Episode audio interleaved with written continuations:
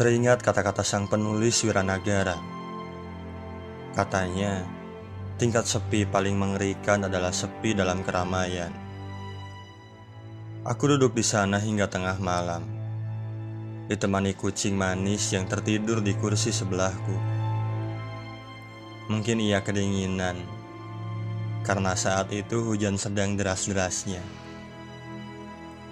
Melihat sekelilingku yang tertawa bersama teman-temannya, sedangkan aku hanya menghabiskan waktu bersama tulisanku dan segelas espresso yang pahitnya tak seberapa.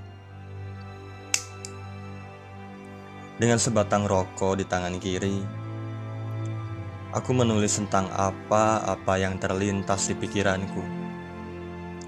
Melihat hidup dari sisi yang lain, tetap mengalir meski mereka menertawakanku karena katanya aku berbeda.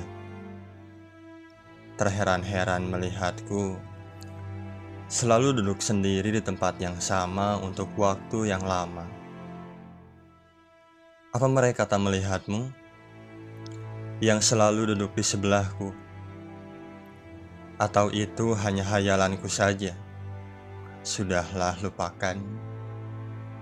Mereka tak sadar, aku pun menertawakan mereka karena mereka sama.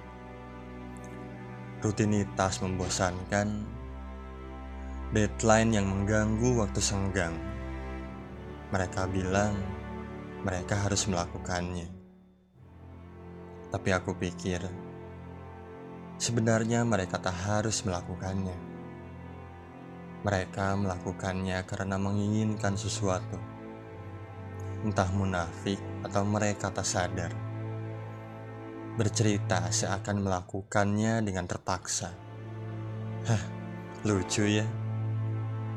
Mungkin mereka tak tahu apa yang sebenarnya mereka inginkan.